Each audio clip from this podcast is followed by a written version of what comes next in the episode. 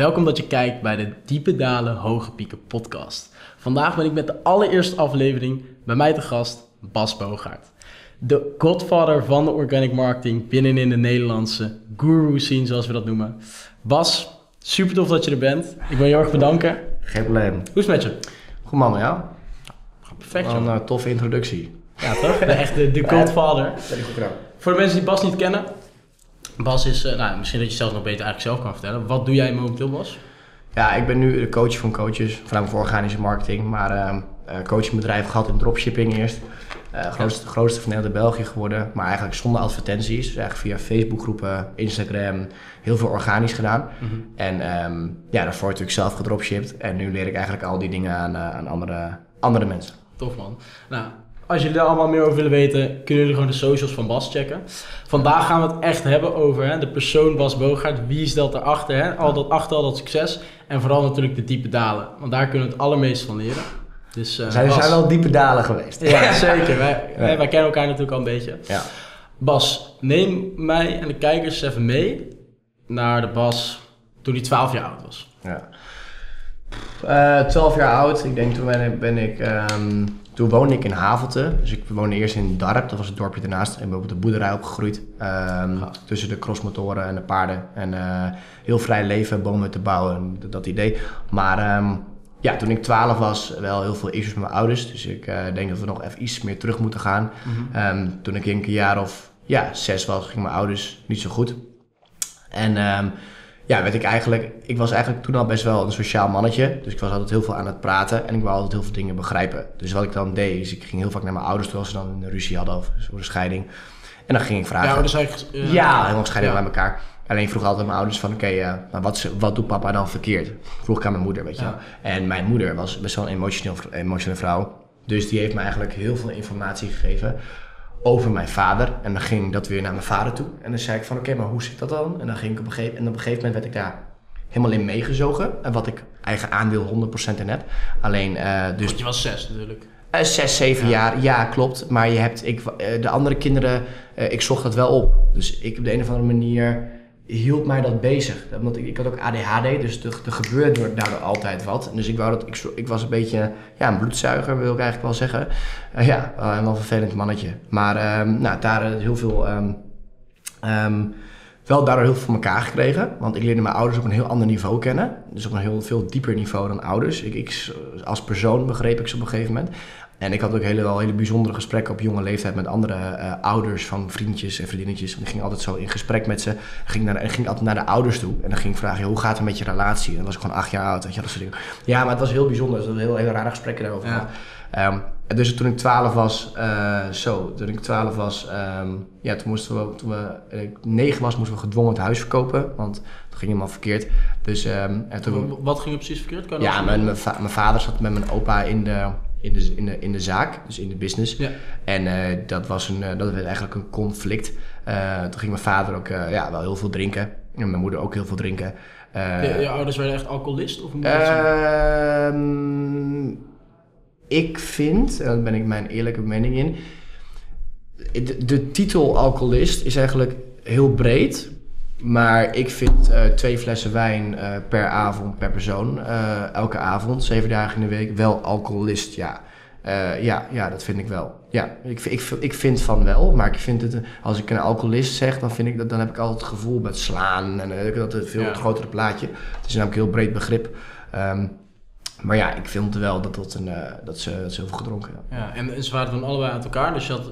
wo- Ik, we woonden eerst in de boerderij samen en toen waren ze nog bij elkaar. Eh, en toen waren we tien, toen gingen ze eh, scheiden. Eh, toen ging ik naar Havelte verhuizen, dus dat is een dorpje daarnaast. Daar Ja. zat ik al op school. En ehm, ja, dus hebben ze apart gewoond, als het ware. Ja, toen was ik al helemaal de speelbal. Want toen zat ik eigenlijk, eigenlijk ertussenin. Dus Ja. toen was het echt van... Ja, het ging helemaal nergens over. Dus dan, ik zocht het ook op. En ik had ook geen gezonde relatie met mijn vader meer. Ja, dus mijn, mijn moeder bijvoorbeeld... Ik heb ook een boek geschreven, lees je dat? Eh, die, die vroeg... Waar, waar kunnen we dat checken? Eh, ja, die komt binnenkort uit. Dus moet je op mijn Instagram volgen en dan kan ik, daar heb ik Hoe heet je op Instagram? Bas Bogaert. Maar ik ben nu gehackt. Ja, Ja. dat is nu gehackt. Voor de mensen die kijken, als hij inmiddels weer terug is, is het oké. Maar hij is gehackt, maar... Maar ja, voor de mensen, ik heb daar gewoon het verhaal in geschreven. Dus wat ik dus deed, was eigenlijk, ik was ehm, mijn moeder stuurde mij dan bijvoorbeeld naar de vrouwen, of naar een vrouw toe, waar mijn vader vreemd was gegaan. En dan vroegen van, vragen of dat klopt en dat soort dingen. Dat soort, dat soort, Ja. dat soort dingen. Ik wist gewoon, ik hoorde de namen en alles hoorde ik. Ik zat, ik zat echt helemaal, het was helemaal twisted. Ik zat er eigenlijk helemaal middenin. Moet ik wel zeggen dat, voor de duidelijkheid, ik hou van mijn ouders, allebei. Ik spreek ze, ik heb een hele goede relatie met ze. Ehm, alleen, eh, ja, eh, toen was dat gewoon, eh, zo is het helemaal gebeurd, weet je wel. Ja. Dus het is ook mijn schuld. Niet dat dat, Ja. niet dat, dat maar ik wil het wel verhelder hebben. Dat het niet, eh, Ja. was? Hey, voordat je er doorheen gaat, eh, jij werd dus letterlijk als een soort van spion gebruikt hè? Om, om te kijken, de, de informatie. Wat deed dat met jou? Ehm, wat deed dat met mij? Ehm, Vo- Voelde, had je dat op nou, dat moment ik, had, van... ik had dat op dat moment, op dit moment was ik, was, ik was daar, ik was, ik, ik, ik was zo getraind dat ik daar eigenlijk, dat, ik, dat was normaal en dat zocht ik juist op. Dus wat voor, hoe ik daar nu terug aan denk is, eh, ja, heel ziek. Ehm, Ja. Maar spion wil ik niet zeggen, wel als ik snap dat je dat zegt. Ja. Maar ehm, meer speelbal. Eh, en ze gebruikten het kind. En dat kind wou dat ook. Dus niet dat, dat, Ja. dat ik een slachtoffer ben, maar dat kind vond het ook helemaal fijn en leuk. En ze, ze gebruikten ze gebruikten het van om de relatie eh, te vechten. Dus het was eigenlijk een relatie tussen ik, mijn moeder en mijn vader. En ehm, dat is in de soep gelopen. ja, dat is helemaal naar de kloot gegaan. Dus eh, ja, dat, En, en hoe is dat nu tussen je ouders? eh, nu, is, nu is dat goed. Dus om dat verhaal af te maken, was ik, ik zat 12 jaar. En toen ben ik eigenlijk naar. ehm, naar eh, toen ging ik wonen met mijn moeder. Tien dagen met mijn moeder, vier dagen met mijn vader. Maar als ik met mijn vader was, begon ik over mijn moeder. Als ik met mijn moeder was, begon ik over mijn vader. En zo ging het eigenlijk de hele op en af. Dus die rol is nooit gewijzigd. Ja, toen op een gegeven moment heb ik heel veel pijn gehad. Want mijn ouders waren niet capabel genoeg om in te zien dat, ze, eh, dat we met z'n drieën in het schuitje zaten. Dus toen gingen we ook heel veel naar jeugdzorg en zo. En ze, waren net zo, ze konden net zo goed praten als mij. Dus ik daar als kind aan tafel. Dan gingen ze met z'n tweeën even over één lijn over het probleem wat het kind doet. En het kind doet dit, en het kind doet zus, en het kind doet zo. Dus ehm, ja, nou, lang van kort, gedoemd te mislukken. Dus toen op een gegeven moment werd ik eh, 16. Eh, en toen woonde, moest ik helemaal met mijn En we hebben nu eh, jeugdzorg en dergelijke halt. Hebben Ja, 12 tot nee, 16. niet, niet, niet, niet heel halt, maar op, Ja. ik heb, ik, om het zo te zeggen, ik had op een gegeven moment een relatie, was mijn eerste vriendinnetje en dan deed ik het zelf erbij. En het was helemaal, helemaal de patronen zaten daar helemaal, ik was helemaal, gewoon aan het modelleren. ja, gewoon een twisted, een twi- je wordt gewoon geprogrammeerd als kind. Hè? Dat, dat zie je ook heel veel, dat zie je ook in business, zie je dat heel veel. Dat je dan, eh, eh, succesvolle, ehm, kinderen van succesvolle mensen worden vaak succesvol als een bepaald programma wat erin gedownload wordt, hoe, welke stap je moet nemen in het leven. Dus eh, ja, mijn leven leed op een gegeven moment wel naar een heel eenzaam eh, leven toe, want iedereen met wie ik een relatie had, als vriend of vriendin, eh, ging dat fout. Ik ging tussen relaties, tussen exen, ik ging overal tussenin zitten. Ik zat dat hele patroon van mijn ouders nam ik mee. Ehm, en dat is helemaal naar de kloten gegaan toen. En toen was ik eh, ehm, 16 ehm, en toen had ik me wel in middelbare school gehaald. En- MAVO dan? Of? MAVO, Ja. ja. En toen eh woonde ik met mijn vader en toen zei mijn vader van ja, ik kan jou ook niet meer aan. Dus ehm, eh, ik luisterde gewoon niet naar mijn vader. Ik had ook gewoon nul respect voor hem. Van Ja. alles wat ik wist, dat was ook klaar. Dus toen eh, werd ik uit huis geplaatst, ja. En Dan was je 16. eh, 17 man. 17, oké. Ja. Dus even een recap hè. Van, van 6 tot 17. Je wordt eerst als speelbal, gebouwd, zo- speelbal gebruikt door je ouders. Mhm. Om achter alles te komen. Nou, de, de ruzie tussen hun, daar zullen we dan niet te diep op ingaan. Ja. Vervolgens je ouders scheiden als je 10 bent. Je moet Ja. verhuizen naar een ander dorp waar je dan al op school zat. Ja. En hoe, hoe had dat bijvoorbeeld invloed op jou als persoon? In, hè, hoe jij in de klas was, in de middelbare en op de basisschool? Was je echt een rotjongen? Ja, een rotjonk, maar voornamelijk uit op ellende. Maar ik fixte het wel. Dus mij, ik, mij overkwam niet zoveel. Ik was dan een rotjonk. Alleen ik zocht. Ik had gesprekken met, met juffen over hun relatie. Ik had gesprekken met mees en ik wist dat op zo'n volwassen manier te brengen. Dat, dat ze waren ook altijd in de war, maar ik had ze vaak best wel. Dus wat deed, wat deed, wat deed, het, met, wat deed het met mij als kind? Heel simpel, mijn jeugd is mij op eh, dat gebied ontnomen, wil ik niet zeggen. Ehm, maar dat heb ik, mijn moeder en vader met z'n drieën soort van allemaal ontnomen. En ja, ik heb niet een normale ehm, eh, opvoeding gehad. En da- daarom denk ik ook, en daar gaan we het zo over hebben, omdat ik op een jonge leeftijd al heel volwassen was op Ja. dat gebied, ben ik ook op jonge leeftijd heel succesvol geworden. Ik heb het gevoel dat ik heel oud ben al. Ja. Dus eh, ja, dat. Gaaf man, oké.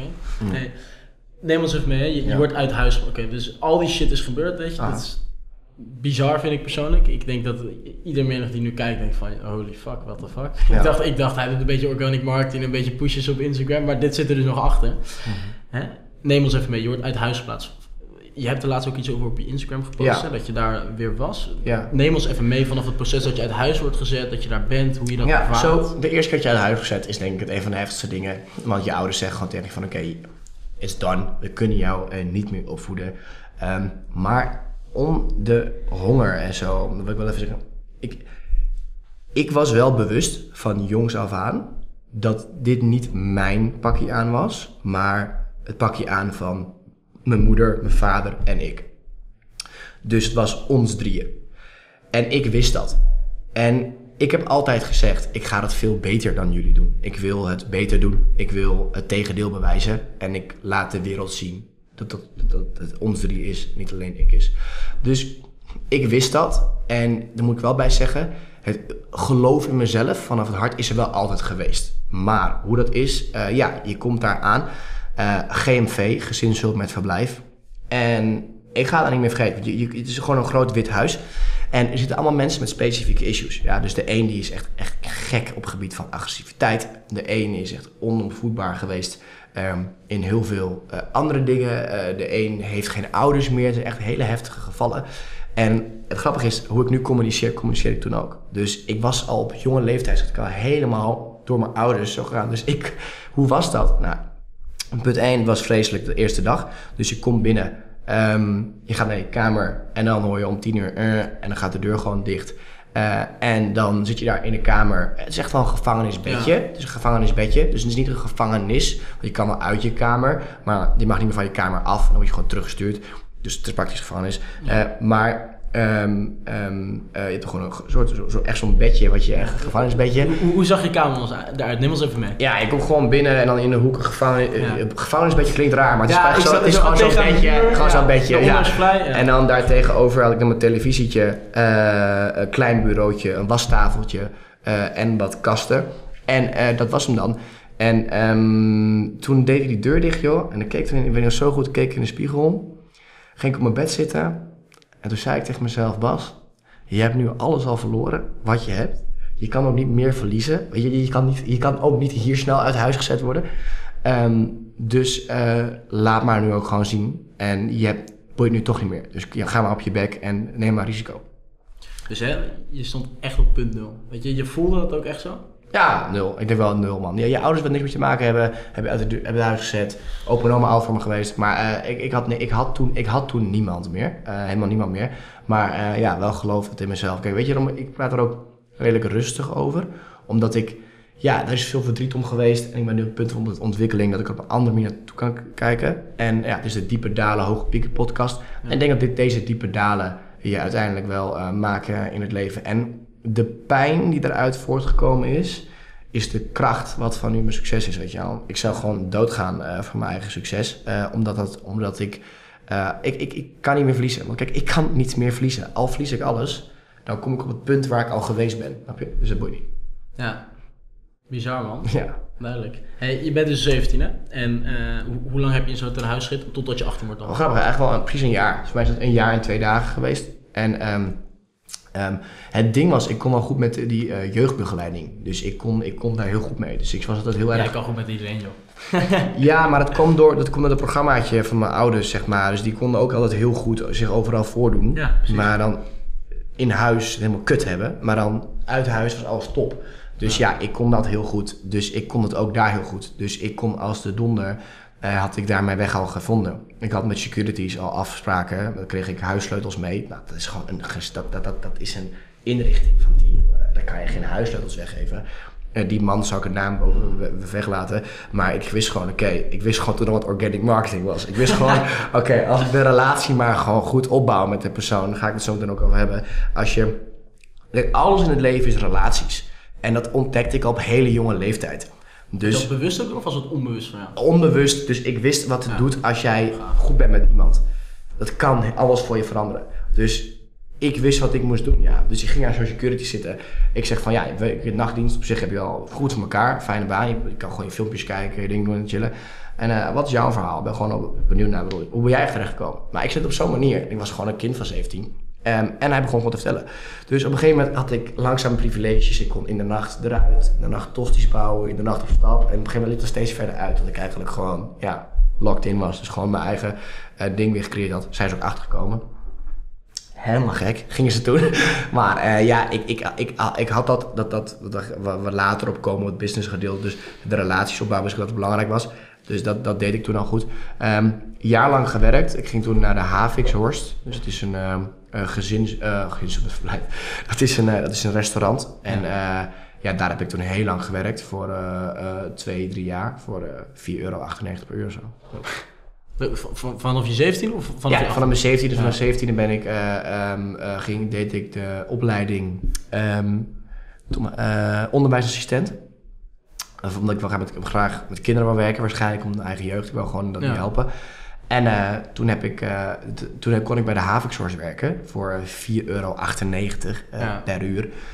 En toen heb ik daar heel lang gewerkt. Gewoon een tijdens je opleiding. ja, die opleiding skotte ik gewoon. Ik ging gewoon Ja. heel vaak daarna werk. Want daar was één man en die was eh, 66 jaar. Ehm, en die ehm, liep daar met tafels te sjouwen. En dat was de eigenaar. En die was miljonair, maar die deed alles zelf nog. En toen heb ik met hem ook gesprek gehad. En hij deed eigenlijk alles zelf. En heeft al, geen opleiding en deed het allemaal zelf. En ja, daar heb ik toen heel veel van geleerd. En dat heeft eigenlijk mijn ogen geopend. Ehm, dus toen ehm, een BBL gaan doen daar. Dat is werken leren. Vier dagen in de week werken, één dag in de week naar school. De horecaopleiding. Toen moest ik daar het huis uit. Want ze zeiden van ja, je bent eh, te goed. Dus Wel- Welk huis moet jij? dat, dat huis van te huis. Hut thuis. Ja, dus daar wou ik blijven. Maar Ja, mocht daar niet. mocht ik niet blijven. Want ze zeiden van ja, eh, voor jou heb ik liever iemand anders. Want die is harder nodig. Ja, ja. Dus toen moest ik daar weg. En toen moest ik naar... Dus eigenlijk word je weer weggestoten. ja, hij wordt weer weggestuurd. Ja, toen voelde dat wel zo. Want je, je, je hebt toch weer een nieuwe band bouw je op met de begeleiding. En dat was ik van relaties opbouwen. Dus dat was, als dat allemaal goed, toen moest ik daar weer weg. Dus toen ging ik naar Zuideinde 16. En dat was een, eh, was een kamerverhuur. Toen betaalde ik 412 euro huur. Toen kreeg ik 852 euro loon. Dus dat ik voor 452 moest ik leven. En dat was 100, 120 euro per week. Ehm, dus dat was gewoon stappen, rustig aandoen. En ik at heel veel op het werk. Dus daar kon, want het was, een horeca. Ja, Dus ik zeg, oké, als ik nou daar gewoon eet en ik gewoon al het eten en drinken uitbesteed bij mijn werk, dan kan ik gewoon nog weer extra werken. Dan heb ik geen kosten, kan ik beter met mijn geld omgaan. Dus toen werkte ik zes dagen in de week. En toen verdiende ik op een gegeven moment, was dat, eh, 1080, tussen 1080 en 1400 euro voor 200 uur eh, bijna eh, per maand. Maar het was gewoon werken, werken, werken, werken. Ehm, en ja, toen hield ik altijd... eh, ik wou altijd wel, altijd wel op het oog dat ik geld wou verdienen. Dus intussen heb ik wel wat handeltjes gedaan. Ook wat illegale handeltjes. Eh, omdat ik dacht dat dat een manier was. Dan ga je ook op je bek. Eh, beroofd ben ik nog een keer daardoor. Eh dacht ze dat ik veel... Ja, de- Kijk, kan ik, wel- dit heb ik ook nog nooit verteld. Maar ja. ik dacht op een gegeven moment dat ik... ik ging wel eens naar festivals. En ik merkte gewoon dat erg een aanhang was van pillen. Dus ik dacht van ja, weet je... Als, en ik wist dat altijd... Zag ik mensen om me heen. En die zeiden, altijd pillen nodig op een festival. Ja. En ik denk van nou, als ik gewoon dat fix. Dus ehm, Ja, dat is de pluk. Nou, dat wou ik. Ik dacht ook nog wel een beetje badass, weet je wel. Dat, Ja. dat dacht ik toen. Beetje nou, identiteit Nou, even niet badass. Blake, Want ik had eh, duizend stuks toen gekocht. Ik wauw, dat ik wou het zeggen, maar ik had duizend stuks toen gekocht. Toen ben ik ook gelijk beroofd binnen twee dagen. Want ik, ik, ik, ik, ik, ik- Al je geld weg. mensen wisten dat ik het had. Nee, ik had gewoon gekocht, bam, ingebroken in mijn huis. Ja, ja, Eh, dus, dus, dus ja, geld natuurlijk. weg. Mensen Ja. denken Bas Boga, dat, welk, ga- hij en welk leger gaat mij tegenhouden. dus eh, ja, die wereld niet ingaan. En toen ben ik daar heel veel van geleerd. Als je het hebt over diepe dalen hebt. Ehm, Hou Ja. niet op, hè? ja, nee, ja, dus dat was heel erg. En toen ben ik... eh, op een gegeven moment kreeg ik dan eh, de mogelijkheid om eh, meer geld te gaan verdienen. Dus ik kon bij een, een fabriek werken. Dat was de melkfabriek. En dat was Friesland Campina. En ja, daar kregen mensen gewoon flink betaald. Ik denk tussen de 2000 en de 2200 euro. En dan deed je zes dagen werken, vier dagen vrij. En dan acht uur per dag. Ja, dus je verdient daar gewoon extreem goed. Ehm, of extreem goed. Je, je, je verdient Voor waar je vandaan kwam. ja, waar je vandaan kan, vind ik wel heel goed. En ja, toen dacht ik, oké, dit is helemaal de shit. Want je hoeft ook geen, je hoeft er geen fuck te doen. Eh, en, eh, en dus mensen die gaan zeggen, zeggen van ja, je deed ook geen fuck. Ja, dat weet ik. Maar dat, eh, dat maakt daar niet heel veel uit. Als je maar gewoon je dingetjes deed eh, en je taakje deed. En dat heb ik toen gedaan. Ehm, maar ja, dat was niet voor mij weggelegd. Maar ik wist wel, er is veel meer in het leven. En ik had één, één heilig moment in het jaar. En dat is wintersport. Dus wintersport is voor mij gewoon heilig. Uh, Saalbach in de Glem. Uh, want daar was ik iemand. Uh, daar spaarde ik voor. Daar kon, ik drie, drie, uh, daar kon ik gewoon 3.000, 4.000 euro voor sparen. En dan een week gewoon een mannetje zijn. Want niemand kende mij. Niemand kende mijn verleden. ik kocht ook merkkleding daarvoor. Ik denk, dat, dat is mijn shine. Nou, ik weet niet of je Oostenrijk kent. Dat is echt Ja, van, dat is gezien en gezien worden. En ook op de piste en de apres-ski. Nou, Dus ben ik daar op een gegeven moment eh, eh, eh, heen gegaan. En ehm, toen, wat na de derde dag, zeg maar, toen kwam ik, ehm, ja, was het op de wc. Toen ging ik plassen. En ehm, toen stond er een jongen naast mij met een cap. Geen idee. Ik had, nog nooit van, ik had nog nooit van elk online businessmodel gehoord. En stond er een jongen naast mijn cap. En toen was ik aan het pissen. Toen zei ik, het, is wel, het is wel duur hier. Toen keek zo naar mij. en zei ja, niet als je zoveel geld als mij verdient. Dus toen zei ik, oh, wat doe je dan? Toen zei hij dropshipping. En toen liep ik met hem naar buiten en dat was de Joshua Kaats. Dus eh, ik had geen idee dat, ooit, dat, dat hij Joshua Joshua was. Ja, en toen, al die pijn van mijn verleden, al die onzekerheden, al dat, die hele leidingsweg, als ze zeggen van die, die bewijsdrang die heel hoog is. Ja, ik wist maar één ding.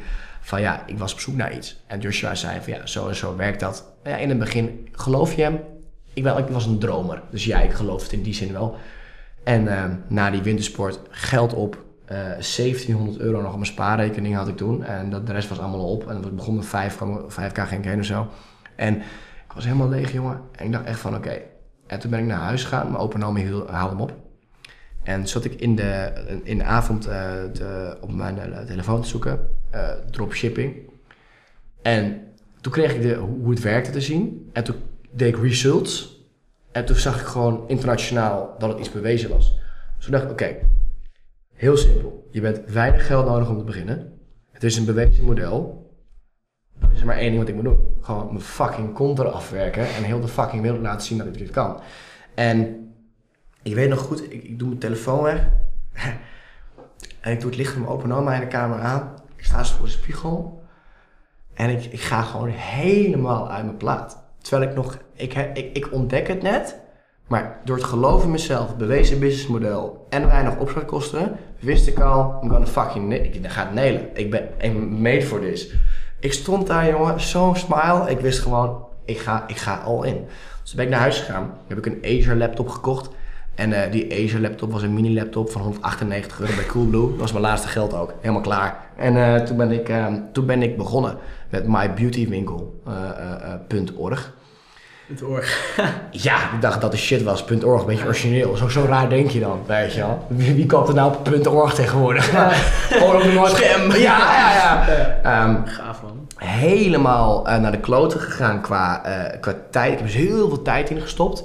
Maar Dit deed je allemaal nog naast je, je na- melkfabriek ja, dus ik werkte gewoon. Dit is even leuk verhaal om te vertellen. Ik kwam thuis, melkfabriek. Eh, ik werkte eh, vier, vijf uur na de melkfabriek. Ehm, wat ik zelfs deed, was in mijn eh, nachtdiensten, dat is ook ziek. Wat ik dan deed, ik had de ochtenddiensten. Je hebt zeg maar twee ochtenddiensten, twee middagdiensten, twee nachtdiensten. Vier dagen vrij.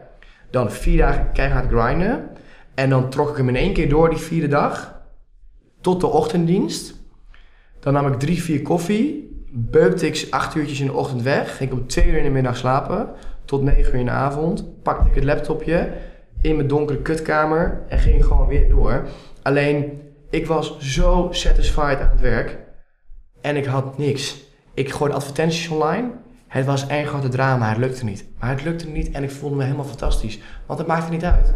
Want dit ging gewoon lukken. Dus het was gewoon, het was, het was een feit. Want het was al bewezen. Ik keek gewoon tussendoor filmpjes van internationale gasten. Die, draaiden allemaal tonnen. Zeg, het is gewoon een kwestie van tijd. Nou, twee maanden helemaal kut. En toen had ik een nieuwe webshop geopend. Eh, eh, nooit meer vergeten. Unieketech.nl Eh, En daar had ik een schermvergroter op getest. En dat, dat werkte. En toen had ik mijn eerste sale op, op 10 mei eh, twee- eh, 2019.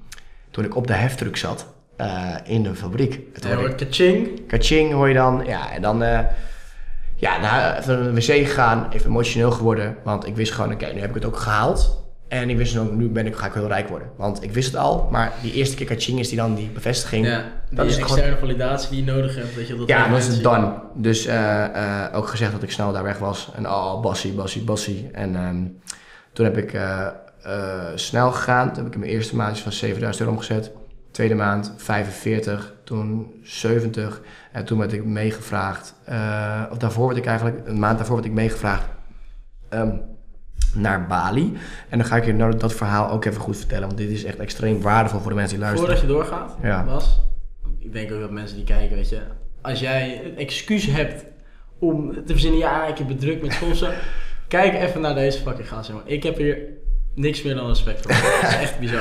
Thanks. Dus ik heb dit echt nog nooit, dit heb ik nog nooit zo gehoord, man. nou, Ik heb thanks, doorhalen, Nee, nacht, drie maanden nacht Bizar, doorhalen man. voor niks, man. Maar het is, het is, waar ik bij zit is gewoon... Vroeger moest je een bedrijf opbouwen vanaf de ground met je eigen handen. En nu is het gewoon online. Jij weet dat ook. Ja. You can skill gewoon bam. Je kan gewoon in één keer schalen. Wat de fuck voor excuus heb je? Het is gewoon Ja. twee, drie maanden gewoon grinden en je, je bent daar, weet je. Eh, waarom denk je waarom zoveel jonge jongens ineens hun kop laten zien, ineens hard gaan, ineens dikke wagens rijden? Dat komt gewoon omdat ze gewoon dedicated zijn aan een plan. Het is drie fucking simpele dingen. Bewezen businessmodel, geen opstartkosten. Wat de fuck weerhoudt je dan nog om hard te werken? Serieus, wat de fuck weerhoudt je dan nog om gewoon dag en nacht te werken? Ik vind je gewoon een. Ik kan er gewoon bijna boos worden. Je moet wel, vind ik. Het is gewoon een verplichting naar jezelf. Alleen de, de grootste nugget, of de grootste ding wat ik vandaag wil droppen, is: it's all about building relationships. Dus dit is hoe het in het leven werkt. Your network is your net worth, zeggen ze vaak. Ik heb dat geleerd van vroeger. En ik wist maar één ding. Ik heb nu een paar duizend euro verdiend. Ik, eh, ik heb een paar verdiend. Ik had die gel- code gekraakt. Maar ik moet in het netwerk komen van Joshua. Ik moet in het netwerk komen van de coaches. Ik moet in het netwerk komen. Ik moet omhoog. En ik wist hoe ik dat moet doen. Heel mijn leven wist ik ook. Organic marketing, ik ben organic marketing coach. Ik, het is, heel arrogant te zeggen, maar ik ben organic marketing. Ik heb het, ik heb het heel mijn leven al gedaan. Organisch relaties bouwen. Dat is all about relationships. Dus Leuk verhaal. Ik, er waren jongens, een paar jongens in Bali. Dus Mike, eh, Jeffrey, ehm, eh, Schipper, Matt Groeneberg, eh, Roy Lammes, Kaats. de jongens, grote jongens waren daar. Ja. En destijds had je zo'n ding, omdat Joshua en zo en er heel veel uitkwamen. Online geld verdienen, dan naar Bali met grote jongens, ondernemers. Dat was de dream. En er was, zat niet meer tussen. Dat was het gewoon. Dus hun waren daar. Ja, dus ik dacht van, oké, hoe ga ik daar komen? Dus ik dacht, oké, building relationships. Dus ik boekte gewoon coachings in bij Mike Biemans. Mike, als je kijkt, thanks. en daar boekte ik coachings in. En wat ik deed, was, er kwam Zoom. En het eerste wat ik zei is, oké, Biemans, luister. eh, ik ken je helemaal niet goed, maar eh, we kunnen het nu weer over dropshipping hebben. Maar daar zal je het waarschijnlijk elk uurtje van de dag over hebben. Eh, je bent in Bali, zeggen ze, ben je nog een beetje aan het zuipen daar? Of de bedoeling? dus hij, maar ik betaal hem 100 euro per uur. Dus die gast, die weet niet wat hij ziet. Dus, wat, is, er voor- wat is er voor raars? Dus zo ging dat. En dan eh, uiteindelijk eh, een drie kwartier gepraat. Eh, echt gewoon ook over vrouwen. en gewoon echt jongenspraat, maar op een leuke manier. Dus building relationships. Dus ik klapte de laptop dicht en kijk, ik heb gewonnen. Want ik weet gewoon, dit gaat, dit gaat, dit gaat, dit gaat goed komen. Dus een paar dagen daarna had ik gewoon weer coaching ingeboekt. Hij zei, ben je er weer? Ik zei, ja, ik ben er weer. Ik zeg, ik vond het wel gezellig, man, de vorige keer. Ik zei, ja, je ook. Dus zei ik tegen hem, ja, weet je wat het is? Jullie, jullie zijn daar ook met z'n allen. En ja, dat is gewoon te ziek. Dus ik, ik ben er gewoon echt geïnspireerd door. Ja, ooit een keer met zo'n jongens zoals jullie daarheen gaan, zou voor mij echt wel eh, het, het, het, het, droom, droom zijn. Ja, toen zei hij tegen mij van, eh, ja, ja oké, nou, eh, weet je wat, of ik was in de avond, hij zei, weet je wat, als je het echt leuk vindt, dan kom je maar. Dus toen pakte ik de koffer. En toen deed ik het gewoon. Letterlijk diezelfde dag. Dezelfde, luister, dezelfde avond. Ik, ik loop naar, ik, ik, in de coaching, ik pak een lege koffer. Ik zeg, Pip, luister. Als je dit meent, dan pak ik nu al mijn spullen in. Ik neem een enkeltje naar fucking Schiphol, met taxi. En binnen 24 uur ligt bij jou aan het zwembad. Dus die Mike, die laat die andere jongens erbij. Ja, deze gozer is knijt gek, weet je wel. Maar ik wist, jongen, als ik daarin kwam... En, dat ik Dat daar- en ik daar gewoon organisch mijn ding doe. En gewoon relaties bouw. En dit klinkt trouwens... Misschien klinkt het voor sommige mensen manipulatief, maar dat is het niet. Kijk, je kiest voor jezelf en je weet gewoon waar je goed in bent. En ik geef ook value, ik geef ook waarde aan hun. Ik, ik, ik geef gezelligheid, ik bied, ik bied energie, ik, ik weet wat ik te bieden heb. En dat heb ik ook gedaan. Dus ik ging daarheen, 24 uur daarna met mijn koffertje. Ik liep die villa in. Maar ook echt, hè? Die ik kwam die villa in. Kaching, kaching, kaching. Overal online ondernemers duizenden euro's per dag. Ik weet wel dat Jeffrey Schipper liet mij een, ehm, een betalingsschema van 700 euro... die ik toen in één dag pakte met 400 euro winstmarge. Elke avond op stap. Eh, je leeft als een god in Frankrijk. En ik heb twee weken daar gewoon relaties gebouwd. Gewoon voor de rest van mijn leven. En na twee weken kom ik terug op Schiphol. Uit deze waanzinnige droom. En ik land daar. En ik denk echt, nooit, maar dan ook nooit meer anders. En dit wou ik zo graag andere mensen ook bieden. Dat ik toen nog een tijdje doorgedropshipped heb. Maar toen ben ik het andere, heb ik een strategie ontwikkeld. Die ik andere mensen ben gaan leren, als het ware.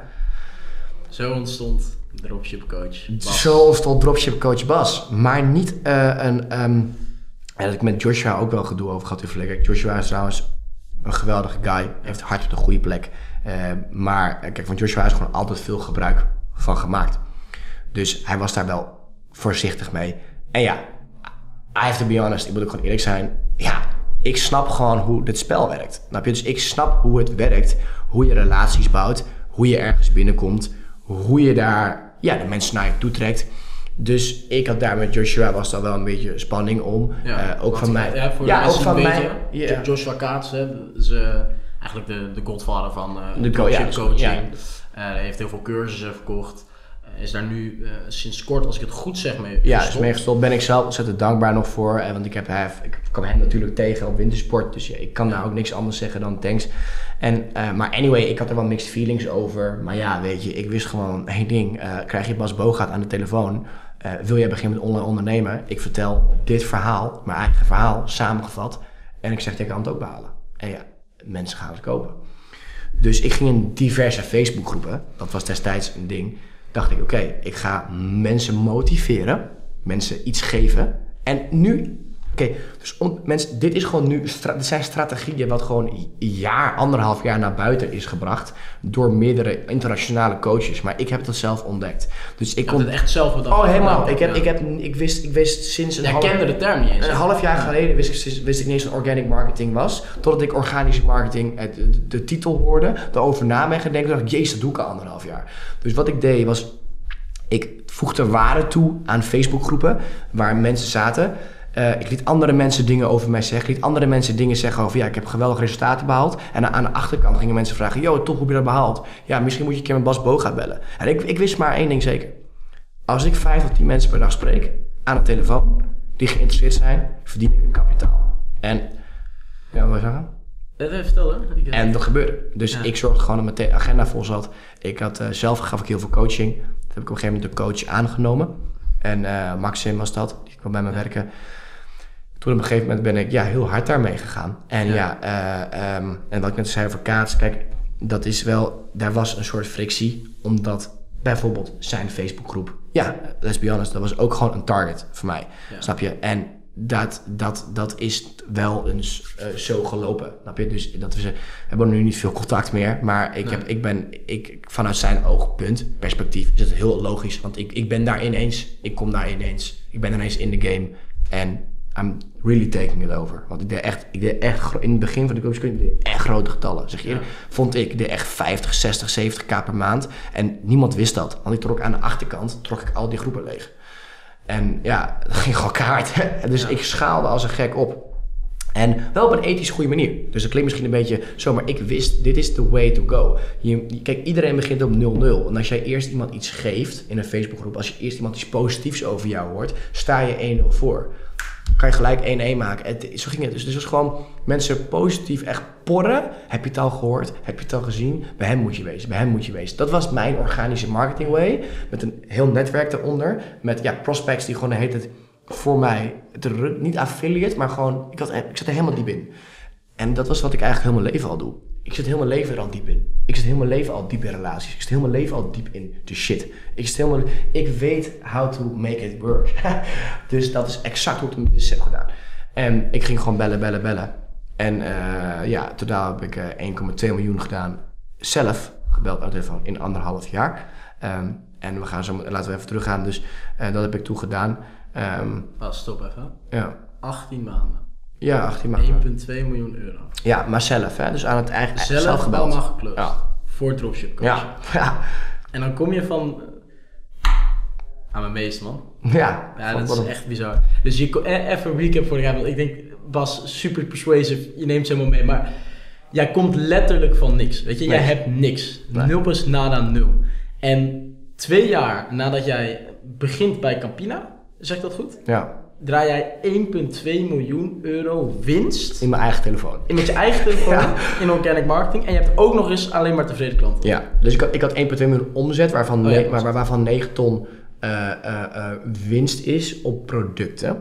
Ja. Want wat bedoel ik daarmee? Ik wil er wel even eerlijk iets bij zeggen. Ik ben nog geen miljonair, nee. Maar, ik moet er wel bij zeggen, ik wist niet wat ik met dat geld moest doen. Nee. Dus ik heb, dit is, dit, dit is de wijste les wat ik nu, nu ga zeggen van de hele podcast. Als geld het doel is van je onderneming, zou je de rest van je leven moeten blijven werken voor geld. Als financiële vrijheid het doel is van je onderneming, dan zou je op een gegeven moment niet meer hoeven te werken voor geld. Kan je dat toelichten? Ja, dus wat je doet is, if you make money, dan ga je die money opmaken, want het doel is money maken. Dus je maakt money, je hebt money, doel gehaald, money moet op, want je moet weer money maken. Dat is hoe het gaat. Je wordt niet, je wordt niet, je- je- niks thrive mij. Ik deed 30k in een maand. Oh, eh, we moeten nu naar Dubai, want we moeten splashen. eh, want Je moet weer motivatie hebben om meer te halen. ik moet naar Ja. onder. Dus dit is wat ik heel veel zie gebeuren bij heel veel jongens. Die veel geld verdienen, die ontzettend veel opmaken. Want er is een soort, een soort comfortabel gevoel, maar ook een gevoel van: hey, I've made the target. En deze target voel ik me niet comfortabel bij, want geld was de target. Dus dat geld moet op, want dan ga ik weer targets halen. Eigenlijk was jouw enige beweegreden op dat moment pijn. Hè? Voelen, oké, er is nu niet genoeg geld. Hè? Voelen, ik sta letterlijk op nul. Ja. En, en hoe ben je dan dat gaan koppelen om vanuit hè, die switch binnen in je mindset te maken dat je voor financiële vrijheid gaat? Oké, je hebt Ja, ja. 9 ton winst gemaakt in, in een jaar, maar Ja, ja. 740.000 euro uitgegeven. ja, boekhouder, 740, ik kreeg overzicht 740k. Ik had op een gegeven moment een pers- personal assistant. Dus die maakte me elke ochtend wakker. Dat ontbijt op bed, koken, wassen, strijken, persoonlijke chauffeurs, koks. Ik had alles. Ik, het moest op. Het moest op. Het, was ook, het is ook een, wat ik denk, en dat is heel logisch. Dat is, dit is ook zo'n ding. Hè. Ehm, het is een patroon. Dus je bent geprogrammeerd om al je geld uit te geven. Er komt geld binnen, je maakt kosten 0 punt. Als 20 jaar lang het 0 punt het normaal is, dan is 30k in een maand niet meer. Ik verdiende veel te veel geld in verhouding met mijn per- persoonlijke ontwikkeling. Ik was veel. Dus, dus dat. Maar waar ik nu achter ben gekomen, is. Er is een heel groot verschil tussen actief geld en passief geld. En je hoort mensen praten over passieve inkomsten. Nou ja, 90% is bullshit, dat is één. Alleen, twee, wat, wat, ik belangrijk vind is, kijk, ik ga even een heel kort bruggetje maken naar terug mijn verhaal. Ehm, als ik nu 40.000 euro heb, of ik heb 50.000 euro, en ik ga naar de bank en ik leen 200.000 euro bij, dan heb ik 250.000 euro, maar dan moet, wel moet ik wel een pand daarvan, dan ko- dan koop ik daar een pand van, zet daar een huurder in en die huurder betaalt eigenlijk mijn schuld van de bank af en betaalt mij een beetje huur. Dus hierdoor realiseer ik mij dat ik tegenwoordig met een 50.000 euro over 30 jaar maak ik daar gewoon 5 ton plus rendement op wat elke maand binnenkomt. Dus op een gegeven moment, als jij het vastgoed, bijvoorbeeld het spel goed snapt, dan ga je heel anders naar geld kijken.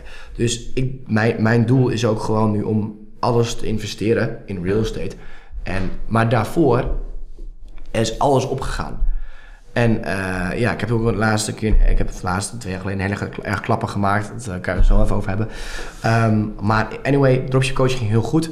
Ehm, het kon niet op, eh, maar het moest wel op. en dat is het op een gegeven moment ook zeker gegaan, ja. Ja, en, en, die realisatie, kijk, je vertelt nu heel wijs, weet je, je bent 23, je, je hebt die les gemaakt. Ik- Iets wat heel veel jonge ondernemers, en die gaan heel snel door het dak heen, maar die moeten dat echt meemaken, dat besef van, eh, oké, fuck, ik ga echt dom met mijn geld om. En dan, dan ben je 2 ton, 3 ton, nou bij jou 740k verder wat je hebt uitgegeven. Ja. Hoe kwam bij jou dat besef? Wie gaf jou dat besef? Ehm, Oké, dus, dus, de Oké, dus dat is best een goede vraag op zich. Ehm, het stopte. dus ah, ik, heb, ik, ben, ik heb dropship tijd was tijdperk 1. Making money as a motherfucker. Nou, deed ik ook 2 miljoen of zo eh, qua omzet. Nou, dat is 20%, 10% winst. Ja. In een jaar, alles maak ik weer op. Nou, ik kwam in dropship coaching. Moest op.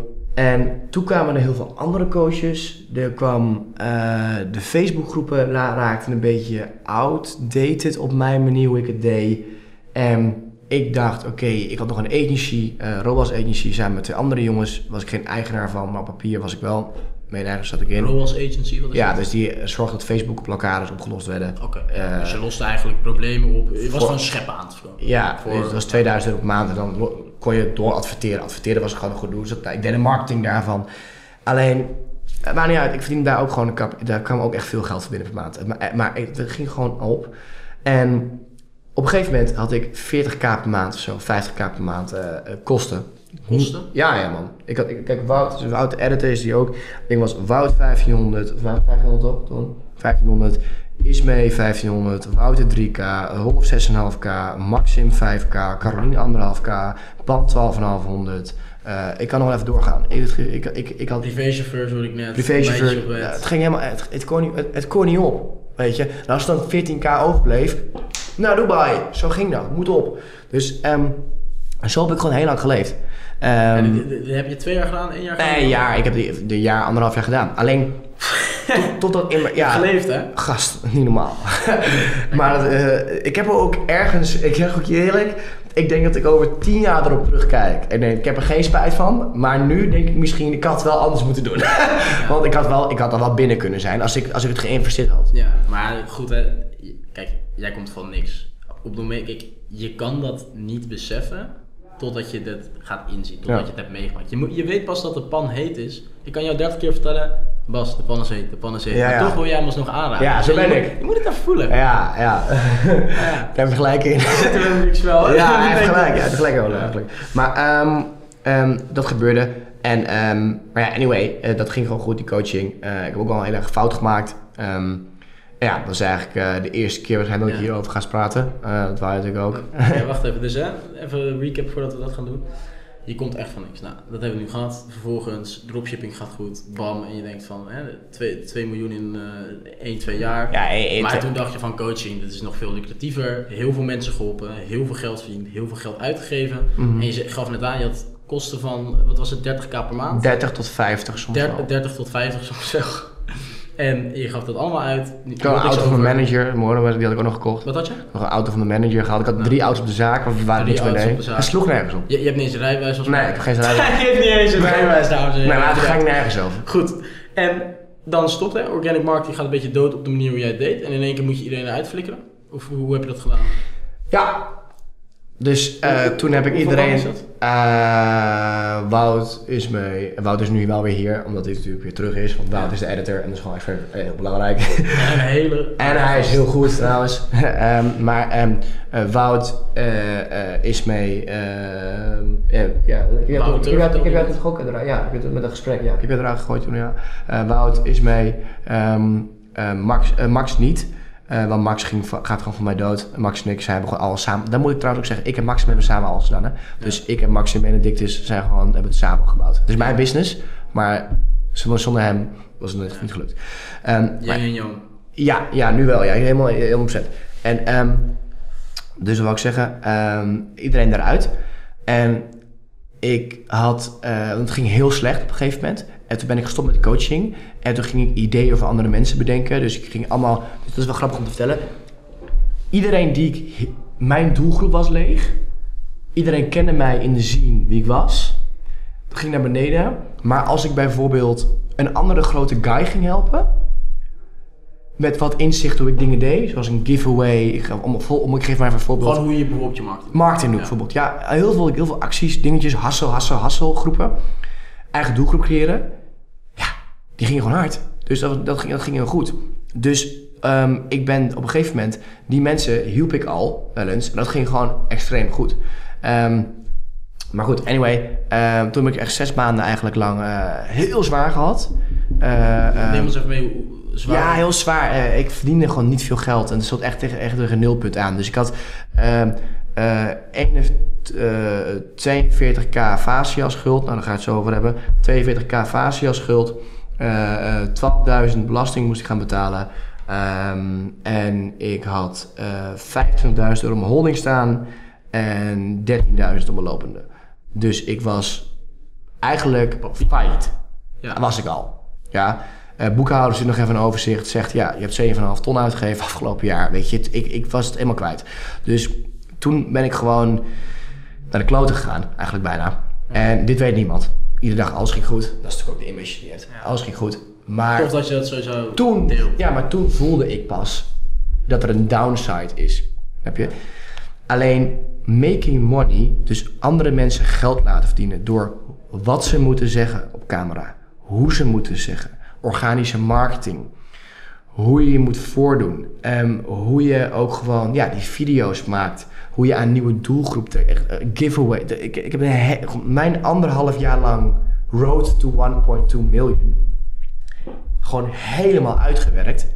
En toen, en dan gaan we zo, toen heb ik gewoon, ben ik op een gegeven moment voor gekozen voor organische marketing eh, ding. Ja, nu ben ik de nummer één coach voor coaches. Zeg de nummer één omdat ik de meeste klanten heb. De nummer één coach van coaches eh, in Nederland op het gebied van e-com en eh, dat gebied. Dus gewoon de coach van coaches. En dat is eigenlijk, maar ik soort heel het verhaal af. Eh, maar goed, als je het even over die andere dingen wil hebben, dan kan dat die bloopers, dan kan het nog wel even. Ja, ja hey, waanzinnig ten eerste, weet Ja. je, dat je dit ook zo open deelt, hè, dat je echt gewoon letterlijk naar rood staat, weet je. Je, je komt van 1,2 miljoen, 7,5 ton uitgegeven. Ja. Goed, hè, neem ons even mee, want je, je vertelde op een gegeven moment ging het slecht, hè, met die coaching, organic marketing op de manier hoe je het toen deed, hè. Je hebt nu, nu, natuurlijk weer een nieuwe strategie, die werken keihard. Maar toen je het toen deed, sterfde uit en toen dacht je, oké, Is, is, is het sterfte, ik dacht, eh, het oude trucje, er waren een aantal trucjes, dat sterfte voor mij uit. Ja, ja, omdat jij het, je hebt op een gegeven moment iedereen gehad, weet je wel. Je, Ja. Hè? En vervolgens, weet je, dan, dan denk jij, oké, ik ga eh, op een andere manier geld verdienen. Je had net al ideeën verzinnen, et cetera. Ehm, nou, dames en heren, Fasias, hè? Hetgene waar. Bas, eh, dropship, co- dropship coach Bas Bogaert onbekend staat. Was, Ja, Weet je, ik, zal even, ik, ik ken Bas nog niet super lang. En weet je, ik, ik ging een keer naar Bas toe en ik ging een beetje in mijn omgeving rondvragen. Goh, wie is Bas Bogaert? Wat doet hij? En ik hoor van vijf mensen, oh dat is die gast van vriend. Dus ik denk van, ah, weet je, het kan niet zo'n slechte gast zijn. Dus ik denk, ik ga naar hem toe en wij hebben het erover. En hij zegt van, eh, weet je, wil je het echt horen? Dus ik zeg, nou goed, ik, ga zitten, weet je, vertel. En ik heb daar een verhaal gehoord, dames en heren, en ga het jullie mededelen. En hij, hij wil zich niet positioneren als een slachtoffer, dat wil ik even bij zeggen. Maar ik vind het persoonlijk bizar en ik zou me persoonlijk wel een slachtoffer voelen. Ja, ja. Neem ons even mee.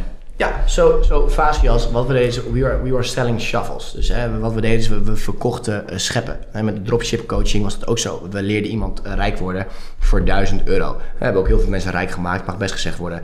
Ehm, dus dat hebben we gewoon, gewoon goed gedaan. Ehm, ik was gewoon eerlijk, de nummer twee in de game. Dus je had Joshua en dan kwam ik. Ehm, qua coaching. Hè? Ik heb het niet over. Ik heb het Niet over niet, over. Ik heb, nee, ik heb het niet over. Ook, ik heb het niet over de. Over social media marketing of online geld verdienen. In dropshipping Ja. had je op een gegeven moment gewoon kaats en toen kwam ik. Ja. Dus wat ik deed was. Er was heel lang in, in, in, in dropshipland een heel groot grijs gebied over BTW. Dus en mensen, ik heb nog nooit over vuist gesproken, dus primeur, Olaf primeur. Ik veel, veel mensen hier willen dat zeker weten, maar ik ga mijn kant vertellen. Dus hoe het ging was, je moest BTW betalen. Dat is wat, wat, wat, wat ze zeiden, maar heel veel mensen betalen niet BTW. En dan komt er eens een guy en die had betalen twee jaar geen BTW. En er was een half jaar lang, helemaal bij de oude garde, eh, hier discussies over. Want links zegt dit, rechts zegt dat. Nou, dan ga je eh, de Belastingdienst bellen. Dan krijg je 15 man aan de lijn. En dan heb je 15 keer een ander antwoord. Dus die wist het ook gewoon niet.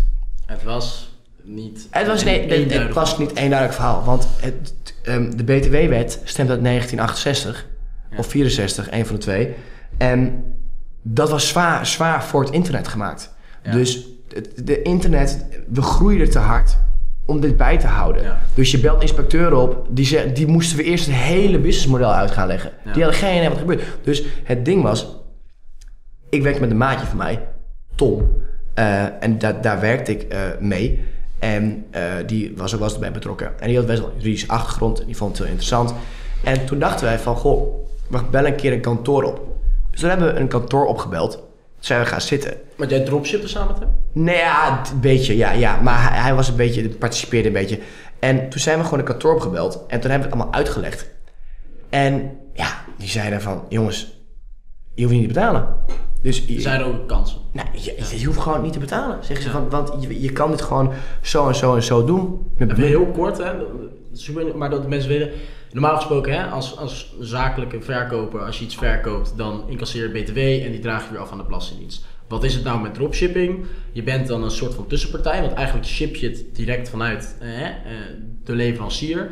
Waardoor jij kan zeggen het valt onder bemiddeling, Ja. waardoor je geen BTW hoeft af te dragen. Ja, Dat komt dus uit heel lang geleden dat een bemiddelaar geen BTW hoeft te incasseren, et cetera. En vaak had je dan marges van ongeveer 20%. Ja. Dus haalde je je winst uit de BTW die je eigenlijk al normaal gesproken zou afdragen. dus het sloeg natuurlijk helemaal nergens op, want zelfs, dus, dus je, je hebt dan een voordeel online en dan ga je ook nog geen BTW betalen. Alleen, het ding was, die gasten, dat, dat kantoor, dat zei, dit, dit, is gewoon het verhaal. En ik kom daar en ik heb die, dat hele gesprek met die gast gehad. En ik zeg tegen Tom, joh, van ja, als dit zo is en je hebt mijn marketing, dan gaan we dit gewoon, eh, dan gaan we dit gewoon blazen. En so we did it. We, hebben gewoon een constructie laten maken. En eh, door, het, door het bedrijf. En toen hebben we de allergrootste fout ooit gemaakt. Ja. Want wat we toen gedaan hebben, en dat hadden we nooit moeten doen, en dat durf ik ook gewoon publiekelijk te zeggen, is het leek ons slim om de constructie over te kopen van dat bedrijf. Dus om dat, dat, dat te gaan doen, als het ware. Ja. En dacht, hè, wij dachten, het oké, wat we dan doen is in plaats van die mensen, eh, we hebben de constructie, eh, we laten die eerst in die zin goedkeuren en dan gingen we doorheen. Dus wat zijn een aantal fouten, want dat vind ik het belangrijkste om te zeggen, wat wij gemaakt hebben, dat is gewoon heel simpel. We hebben, eh, ik kreeg een btw-controle, ontzettend toevallig. Ik leverde de papieren in met het bedrijf waarvan ik gekocht had en ik kreeg mijn btw terug. Het was gewoon goedgekeurd. Ik heb mijn BTW teruggaven terug. En wij dachten, dat is de golden stempel. We're in. We kochten de papieren van het bedrijf. En dachten, we gaan het even kopen. En als je het achter elkaar vertelt, is het heel logisch. En Hoe oud iedereen... was je hier trouwens? Too oud? Ja? 21, eh, eind Dus 21. jong, weet je, je hebt net een succes en je, Het je, ruikt, je ruikt het, hè? Je ruikt geld. eh, je, je, je hebt een product wat iemand, waar door iemand, iemand 10.000 euro meer per maand kan verdienen. En dat is het verhaal. Nu, as we speak, zijn er heel veel mensen die dit aanbieden, verkopen, eh, goede constructies. Alleen wij dachten, oh, pas goedgekeurd. Hup. Dus zijn we naar Kaats toe gegaan met Joshua. En toen hebben we, hebben het hele verhaal uitgelegd. En Joshua is een jongen die heel erg op vertrouwen werkt. Dus hij heeft ons gevraagd: klopt dit? Is het goedgekeurd? Dus ik heb gezegd: ik ben goedgekeurd. En dat, dat was ook zo. En we konden dat goed onderbouwen. En zeiden: van, ja, oké, ik ben goedgekeurd. Dat is gewoon een feit. Ehm, Je hebt ook die papieren natuurlijk laten oh, zien. dat ik ben er daar- doorheen. Ja, dus ik, ik- dat is oké gegaan. Dus ik was oké, we're gonna sell it. Hij En- kan ook natuurlijk niet anders weten. Kijk, hij denkt, oké, nou... Maar dat is dus het ding, hè. Mensen bij de Belastingdienst is het niet zo dat als één iemand goed wordt gekeurd voor iets, dat iedereen dat Nou ja, laten we- Gelijkheidsbehandeling Dan ga gewoon even wat anders stellen. Ze weten gewoon geen idee hoe het werkt. Ze, Ja. snapten, ze snapten het niet. Ze wisten niet hoe dit werkte. En toen hebben wij gewoon dat heel vaak verkocht. Ehm, samen met Josh. En, ehm, maar wij moeten de volle verantwoordelijkheid nemen. Doe ik ook deze podcast. Ik blame niemand. En Nee, voor de duidelijkheid, het is jou en de fout van Tom. Niet het is van ons. mijn fout van Tom. Ja. Fout van Josh ga ik niks over zeggen. Want het is niet aan mij om daar iets over te zeggen. Maar hij vertrouwde mij. Heb je? Blind. Dus I'm taking responsibility op me. Hij niet. De- hij, heeft het, hij heeft het wel gedaan. Maar, Ja, maar ik, het- het is ik, vind, ik vind dat Kaats hier niks mee te maken. Ehm, ja, eh Kaats even helemaal out of the picture. Want voor mij is dat belangrijk. Want eh, ik heb gewoon ontzettend... At the end, die guy is one of the reasons dat ik hier zit. Ja, dus wij- het was mijn idee, Tom's idee. En het idee was op zich ontzettend sterk. Want hey, kijk, je, het, het voelt als een ontdekking. Je praat met een kantoor, zegt er is een oplossing. Ik heb links de hele doelgroep met geld. Waarvoor het een massive impact is. En let's be honest, if it works, you're the hero. Ja, dat is gewoon waar. Dus we gingen het verkopen, we stampten het, verkocht achterlijk vaak. Eh vroeger toen 3K, volgens mij. We hebben heel veel wisselende prijzen ook verkocht. We wisten ook geen we moesten vragen. De ene keer 3K, toen 1K. We keken gewoon wat de steden hadden. Ja, dat is, we zijn gewoon als kip zonder kop tekeer gegaan. En toen wat kwam het moment, en dat is dus het ding, is dat wij die stukken van ons waren. En wij helemaal geen kantoor zijn. Dus dan verkoop je dat 200 keer of whatever. Je bouwt daar geen service omheen. Oh, haha, hier 3K en hier heb je de papieren. Ja, en dan eh, kwamen de controles achter elkaar binnen. En dan zijn er iedereen, de mensen die dus iedereen stond met de rug aan de muur. Ja. Wie moeten we nu bellen? Ja. En dan kreeg je Tom Bas Bogaert aan de lijn. Over jouw hele administratieve BTW-constructie. Ja. En toen is Tom en ik hebben allebei geslekt onder het nom service.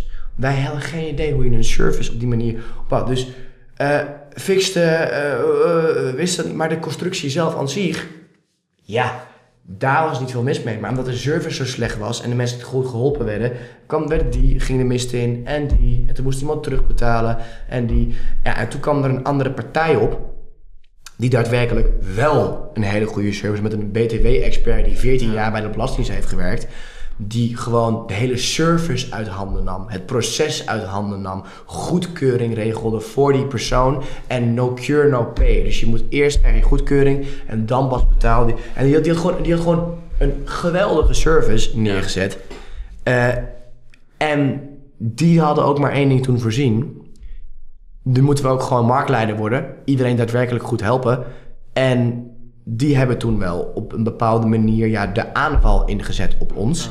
En dat hebben ze, dat is, dat hebben ze achteraf business-wise extreem goed gedaan. Ja, en toen is Kaats gebeld en ook het verhaal uitgelegd en die BTW-expert erbij. En toen zijn wij helemaal in het niets geraakt. Toen werd het heel snel verspreid. En Want wat werd heel snel verspreid? dat, Voor de die klopte, het klopte allemaal niet. En de constructie. Ja, maar Ja. Het, het probleem was dat het, het, is wel vervelend. Want we hadden wel een heel goed verhaal. Maar er zijn gewoon een aantal punten waar we in geslekt hebben. Onder het nom service. Onder het nom gekocht hebben van een kantoor. Verantwoordelijkheid op ons nemen. Ja, dat zijn gewoon dingen. Dat is gewoon onhandig gegaan. Ja, toen zijn we echt naar de kloot gegaan. Want toen hebben we... ehm, toen gingen we echt naar de kloot. Want we hadden echt wel wat centjes uitgegeven. Niet heel veel, maar we hadden wel wat centjes uitgegeven. Maar toen ging de tegenpartij druk zetten. En die ging gewoon eh meerdere mensen met elkaar, heb je het al gehoord. En iedereen die fase zat de call en die tegen ons opzetten. En dat, dat, dat, En de tegenpartij bedoel je dan het andere kantoor? de andere Dus kant, nou, die de echte service De had. andere die de, die, De andere die de partij. goede service Ja. had, wat ook hun goed recht was om het daadwerkelijk goed te cheffen en te fixen. Dus ik ben op niemand boos en dan take full responsibility voor het hele verhaal. Dus ik en Tom eh, waren gewoon eh, daarin eh, geslekt. En toen belde Tom mij op. En toen was echt in de heets van de strijd, toen iedereen tegelijkertijd kwam, we al ons geld moesten terugbetalen. Toen belde me op. Zei hij, Boog, ik weet niet hoe we het voor elkaar gekregen hebben, maar we moeten het gewoon cheffen. Al moeten we tot de laatste euro terugbetalen. Misschien moeten we maar gewoon een keer verantwoordelijkheid nemen en gewoon op de blaren zitten. En ik, ik, ik, vroeger was ik altijd bezig met overal eruit komen, overal eruit komen. En ergens anders terecht van, fuck it, moet dan gaan doen. Dus toen hebben we de, eh, de gates, de poorten opengegooid en hebben we gezegd, eh, ja, bel maar. En eh, dan gaan we met je bellen. En dan kijken we of we kunnen schikken. Dus even voor mijn beeldvorming, ja, even, even kort recap. want ik- Fascinerend. Je, hè, je komt er dus doorheen. Je komt bij die constructie. Die mensen zeggen het is goed tegen jou. Nou, vervolgens word jij dus goedgekeurd ook bij de Belastingdienst. Ja, ik, ik hè. Ja. Ja. En eh, jij gaat naar Joshua toe. Weet je, die heeft natuurlijk uiteindelijk het grootste bereik. Jullie gaan dat samen verkopen. Jullie hebben dat dan met z'n drieën gedaan, jij, Tom, Joshua. En uiteindelijk eh, is dat dus falikant in de soep gegaan. Weet je, de een en de Door ander. beginnersfouten. Ja, Niet, precies. niet constructie-wise per se. Hè, Er is, er is heel vaak gepraat over de constructie. En ja, de constructie viel te betwisten in verhouding met de andere constructie. Want er waren twee andere constructies. En daar is lekker heel veel over geluld en heel veel iedereen gek gemaakt. Ik ben. Ik, uiteindelijk, dat is ja, opgezet er zijn, kantoor. ja, want er zou- zijn meerdere mensen. Ja. Er zijn ook meerdere mensen wel doorheen. Dus dat, dat, dat Ja. ook goed gekeken. Ik heb laatst was Jeffrey, een jongen die ik ken, eh, eh, nog er doorheen gegaan. Met Maar- dezelfde fix. ja, dus dat is allemaal. Het is gewoon. Het is gewoon het- de service daarachter en de communicatie was gewoon belabberd. Weet je wat, kijk, voor de mensen die niet weten, er zitten twintig misschien wel belastinginspecteurs en er zitten er verschillende op, hè, op het vlak BTW. En de een gaat het wel goedkeuren, de ander die snapt het niet en die keurt het niet goed. Daarom is Dus- het ontzettend handig om een kantoor te betrekken. Precies, want die kan het goed uitleggen. En dan ja, als, En die kan het als Bas. Bogaert daar staat tegen belastingstuur, ja, dus komen we sowieso. Nou, ja, dat wordt wat minder effectief, Ja, dus Ja. wij waren ontzettend bang, want we hadden iedereen dan tegen ons. De blauwe, Ja. de blauwe vrienden, 200 man, mijn naam stond spel. En toen hebben we gezegd, ja, we gaan wel bellen. Want wat, wat wij ook niet reëel vonden, ben ik ook heel eerlijk in, is gewoon puur omdat we de service niet goed hadden, eh, ehm, eh, te schikken voor het hele bedrag. Ja. Dat slaat nergens op, want we hadden een hele, we hebben daadwerkelijk een hele goede intentie. Met een goede oplossing waarvan wij zeker wisten voor ons ding. Er zijn wat dingen gemaakt. Mensen hebben ook zelf gekocht. Hè, die konden het ook zelf Ja. laten controleren. Het is, eh, Dat is uiteindelijk eigenlijk verantwoordelijk. Eigenlijk is het eigenlijk... Maar, ik had met Tom afgesproken, we hebben fouten gemaakt. Ja. Zo- En je naam staat ook op het spel. hè? Ja, fout gemaakt, naamspel, let's, let's go all in. En ik kreeg toen, ik, ik heb toen 22, 25% of zo van die BV gepakt, of 20%. Omdat Tom heel veel werk gedaan had ervoor. Tom was voornamelijk de service, ik was het gezicht. Dus, eh, eh, maar goed. En hij de andere helft. Nee, ik heb echt 20% gepakt van Ja, ja, en dan hij het andere stuk. En, en Joshua was puur een affiliate. daar. Nee, nee, nee, nee. Joshua heeft, ook- had ook zijn deel. Dus, maar goed, dat maakt verder niet uit. Maar anyway, eh, dus toen hebben we uiteindelijk, toen heeft Joshua eh, als een eh, echte man eh, gelijk full responsibility genomen. Trouwens, Joshua is in het heel proces sowieso fantastisch geweest. Die heeft eerlijk, oprecht, eh wou zijn leden helpen. Hij had scheid aan eh, elke euro die hij maar maakte extra, want hij had geld. En hij wou het gewoon goed mogelijk oplossen. Dus Kaas ging billen bloot en zei, we have to pay it back. Ik was ook daar fan van. Eh, nou, Tom eh, ook. Maar ja, daar is natuurlijk wel heel veel geld in. Dus toen hebben we op de juiste manier ja, met die mensen gecommuniceerd. Zoals je, wat jij ook vindt. Hè, dat we zeggen van, goh, eh, dit is natuurlijk waanzin. Dat je zegt van dat alles 100% teruggepaid moet worden. Want het hele verhaal is gewoon sterk. Alleen een paar punten waarop we zelf geslekt hebben. Met heel veel mensen gebeld. En toen zijn we met heel veel mensen gaan schikken. Eh, en heb ik tot mijn eh, laatste euro, wat ik ooit aan Fasias verdiend heb, heb ik eigenlijk moeten terugpayen. Want er was ook, er was ook wel een deel op. Er waren ook 10, 20 mensen die echt zeiden: Bas, ik, jij hoeft mij geen euro terug te betalen, want ik ken jouw verhaal. Ik weet, ik weet wie jij bent. Ik vertrouw jou. Het is nou helemaal zo gelopen. Ja. Het is goed zo. Heel veel grote jongens die daadwerkelijk wel verantwoordelijkheid durven te nemen voor zichzelf. Ja. 100%, wat ik eigenlijk nu ook doe die hebben het niet laten gaan. Dus uiteindelijk hebben wij het overleefd, mag ik echt zo doen. Want Ja. het was spannend. Maar ja, mijn naam is daardoor toen wel eigenlijk echt eh, helemaal in rat gegaan.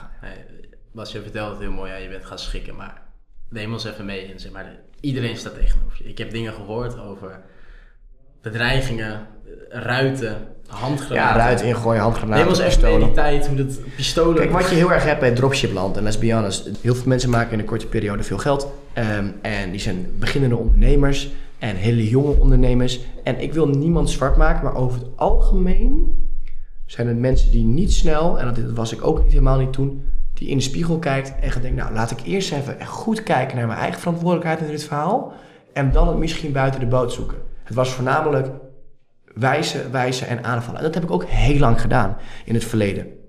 Heel vaak. Dus je kreeg eh, pistoolbedreigingen. Dat zijn er van ja, we komen naar je huis, gaan we je afknallen. Als je niet het hele bedrag terugstort, eh bakstenen door de ruiten. Ehm, heel veel mensen durfden geen volle responsibility te nemen. Ehm, maar ja, weet je, Maar je hebt ook echt... Alles heb je meegemaakt. de gekste dingen. De, de gekste dingen. Dus ik, de Noem eens even één heel bizar ding. Ehm bizarste ding was wel dat eh, eh, iemand langs was geweest. Maar dat was, toen was ik niet thuis. Ja. Dus, ik weet wel wie dat is, maar dat gaat het niet om. Nee, dat is niet belangrijk verder. Nee. En, maar het verhaal was gewoon... Het verhaal is gewoon helder. Ik, ik, ik, ik- we hebben een paar keer geslekt onder de nom service. En we, konden, we hadden geen goede Ja. onderneming om daarheen gebouwd. Een was daardoor, onervaren, jong. Pik, 200 jonge mensen die je helemaal de kop gek maakt. Fasias, scam, we moeten ze pakken. Eén één, één, andere partij die daadwerkelijk wel een hele goede constructie heeft. Dus ook nog eens zegt, kijk, wij hebben wel goedkeuring. Het, was, het was een slachtpartij. Maar ik wist maar één ding. Het verhaal is gewoon helder wat ik heb. Dus ik denk, oké, wat ik ga doen is, we hebben hier al die namen. Tom en ik hebben een week uitgepland. We hebben elkaar aangekeken. Zeg gewoon, neem responsibility. Tot dit bedrag schikken we. En we gaan bellen. En we brengen deze mensen bij Reason. Want we nemen onze eigen verantwoordelijkheid in het hele verhaal. Dat is wat we aan de telefoon de hele tijd deden.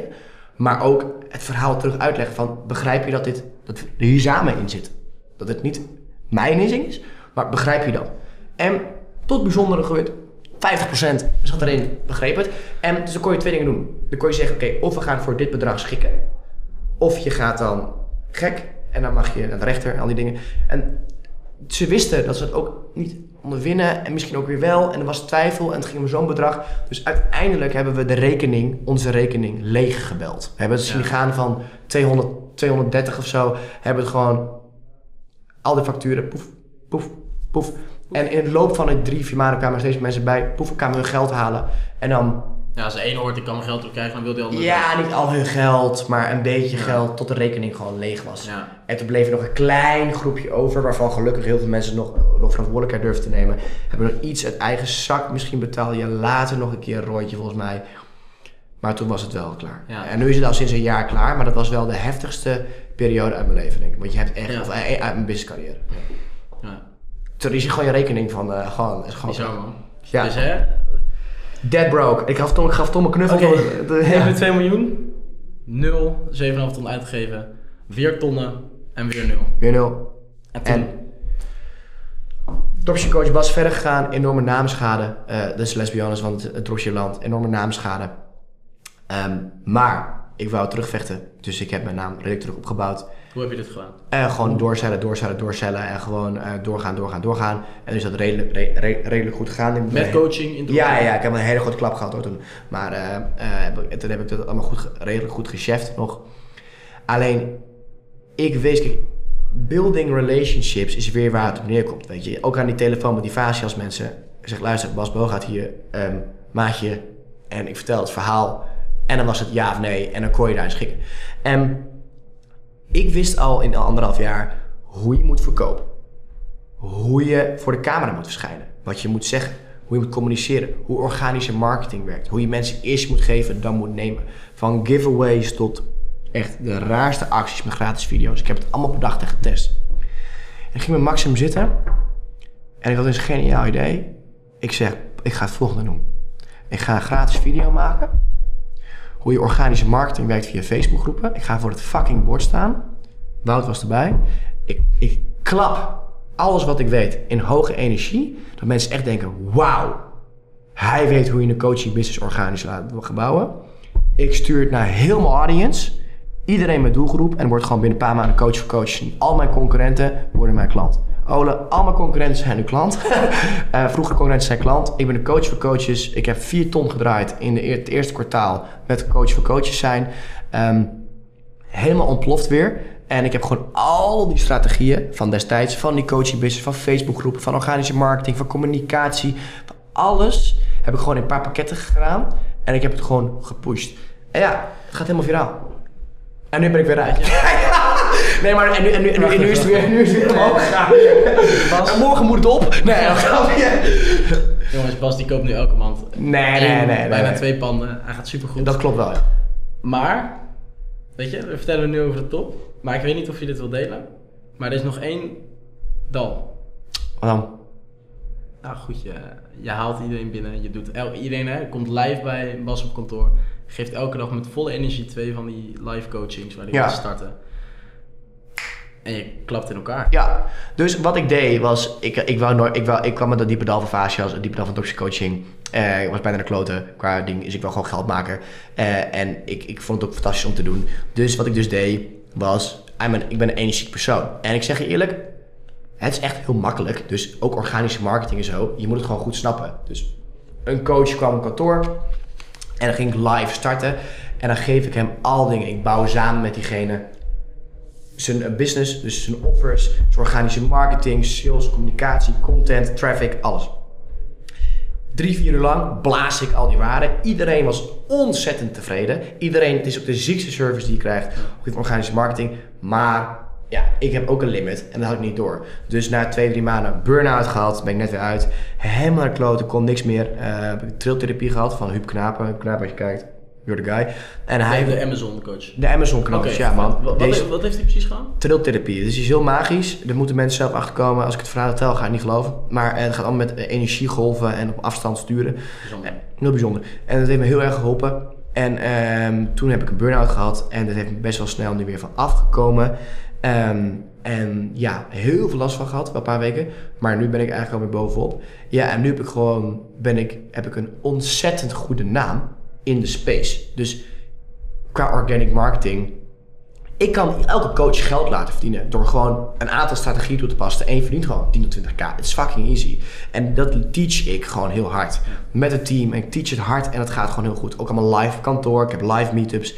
En ja, dat is nu helemaal ontploft. En inmiddels ben ik eh, ja, de coach van coaches. Bijna 100 klanten. Ehm, en eh vraag ook echt wel high-ticket bedragen. Mensen komen naar me toe en die betalen het. Dat komt namelijk omdat ik gewoon mijn content goed heb. Als je mij ziet op mijn Instagram, denk je, ja, dat is een jongen die weet waar hij het over heeft. Dat is gewoon fijn. En dat is nu helemaal ontploft, man. En nu ben ik, eh, koop Back ik on top. ja, en nu koop ik back on top. 100%. En ik investeer al mijn geld in vastgoed. Dus ik heb nu vier panden. En ben nu gewoon omhoog aan het gaan. Dit jaar denk ik eind van het jaar 6, 7. En dan eh, is het gewoon rustig gaan doen. Doorgaan met mijn organic marketing. Mijn panden hun werk laten doen. En over een paar jaar eh, financieel onafhankelijk. Bas, waanzinnig verhaal. hè. Weet je, Ja. zoveel dieptepunten. En de diepe, diepe dalen, hoge Je moet hard willen. Bizar. Maar uiteindelijk, hè, alles wat bij jou is gebeurd, hè, al die diepe dalen, die hebben er wel voor gezorgd dat je hier nu staat. Dat je die lessen hebt meegekregen. Je Ja. gaat nu wel goed met je geld om. Je geeft, ik check er, je geeft geen 7,5 ton meer een jaar uit, toch? Nee, Oké, zes. perfect. maar ja, ja. Nee, nee, nee. vertel, ja, ja. Nee. Tof man, weet je. Nee, maar ik ben, ik, ben, ik, ben helemaal naar de, ik ben helemaal naar de kloot gegaan. Het ding is gewoon hoe hard, hoe hard wil je er gewoon voor werken. En ehm, hoe hard wil je ervoor werken. En achteraf is gewoon heel veel lessen gehad. En ehm, ja, dus dat, dat heb ik, eh, dat is gewoon eigenlijk wel, eh, wel het verhaal. Dus eh, Eén ding wat je, wat je de kijkers thuis wil meegeven was. ehm, zo, wat ik, wat, ik, wat ik denk ik wil mee wil geven is... Heel veel mensen luisteren podcast. Heel veel mensen zien content. Ja, en denken, oh ja, nu ga ik het doen. Maar na het luisteren van deze podcast is er niks om jou heen veranderd. Het enige wat je hebt gekregen is de informatie van deze waarde. De informatie van dit. You have to put the fucking work in it. Maar je moet het doen. En het zijn twee elementen. Een bewezen businessmodel pakken, online, waar je weinig opstartkosten voor nodig hebt. Werk gewoon een aantal maanden er hard aan. En je gaat het gewoon halen. En dan luister je deze podcast maar honderd keer opnieuw. Maar jij moet het doen en niemand anders. Dat is wel.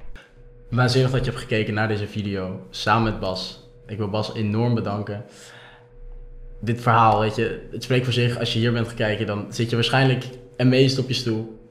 Ik wil heel erg bedanken en ik zie je bij de volgende aflevering. Ciao.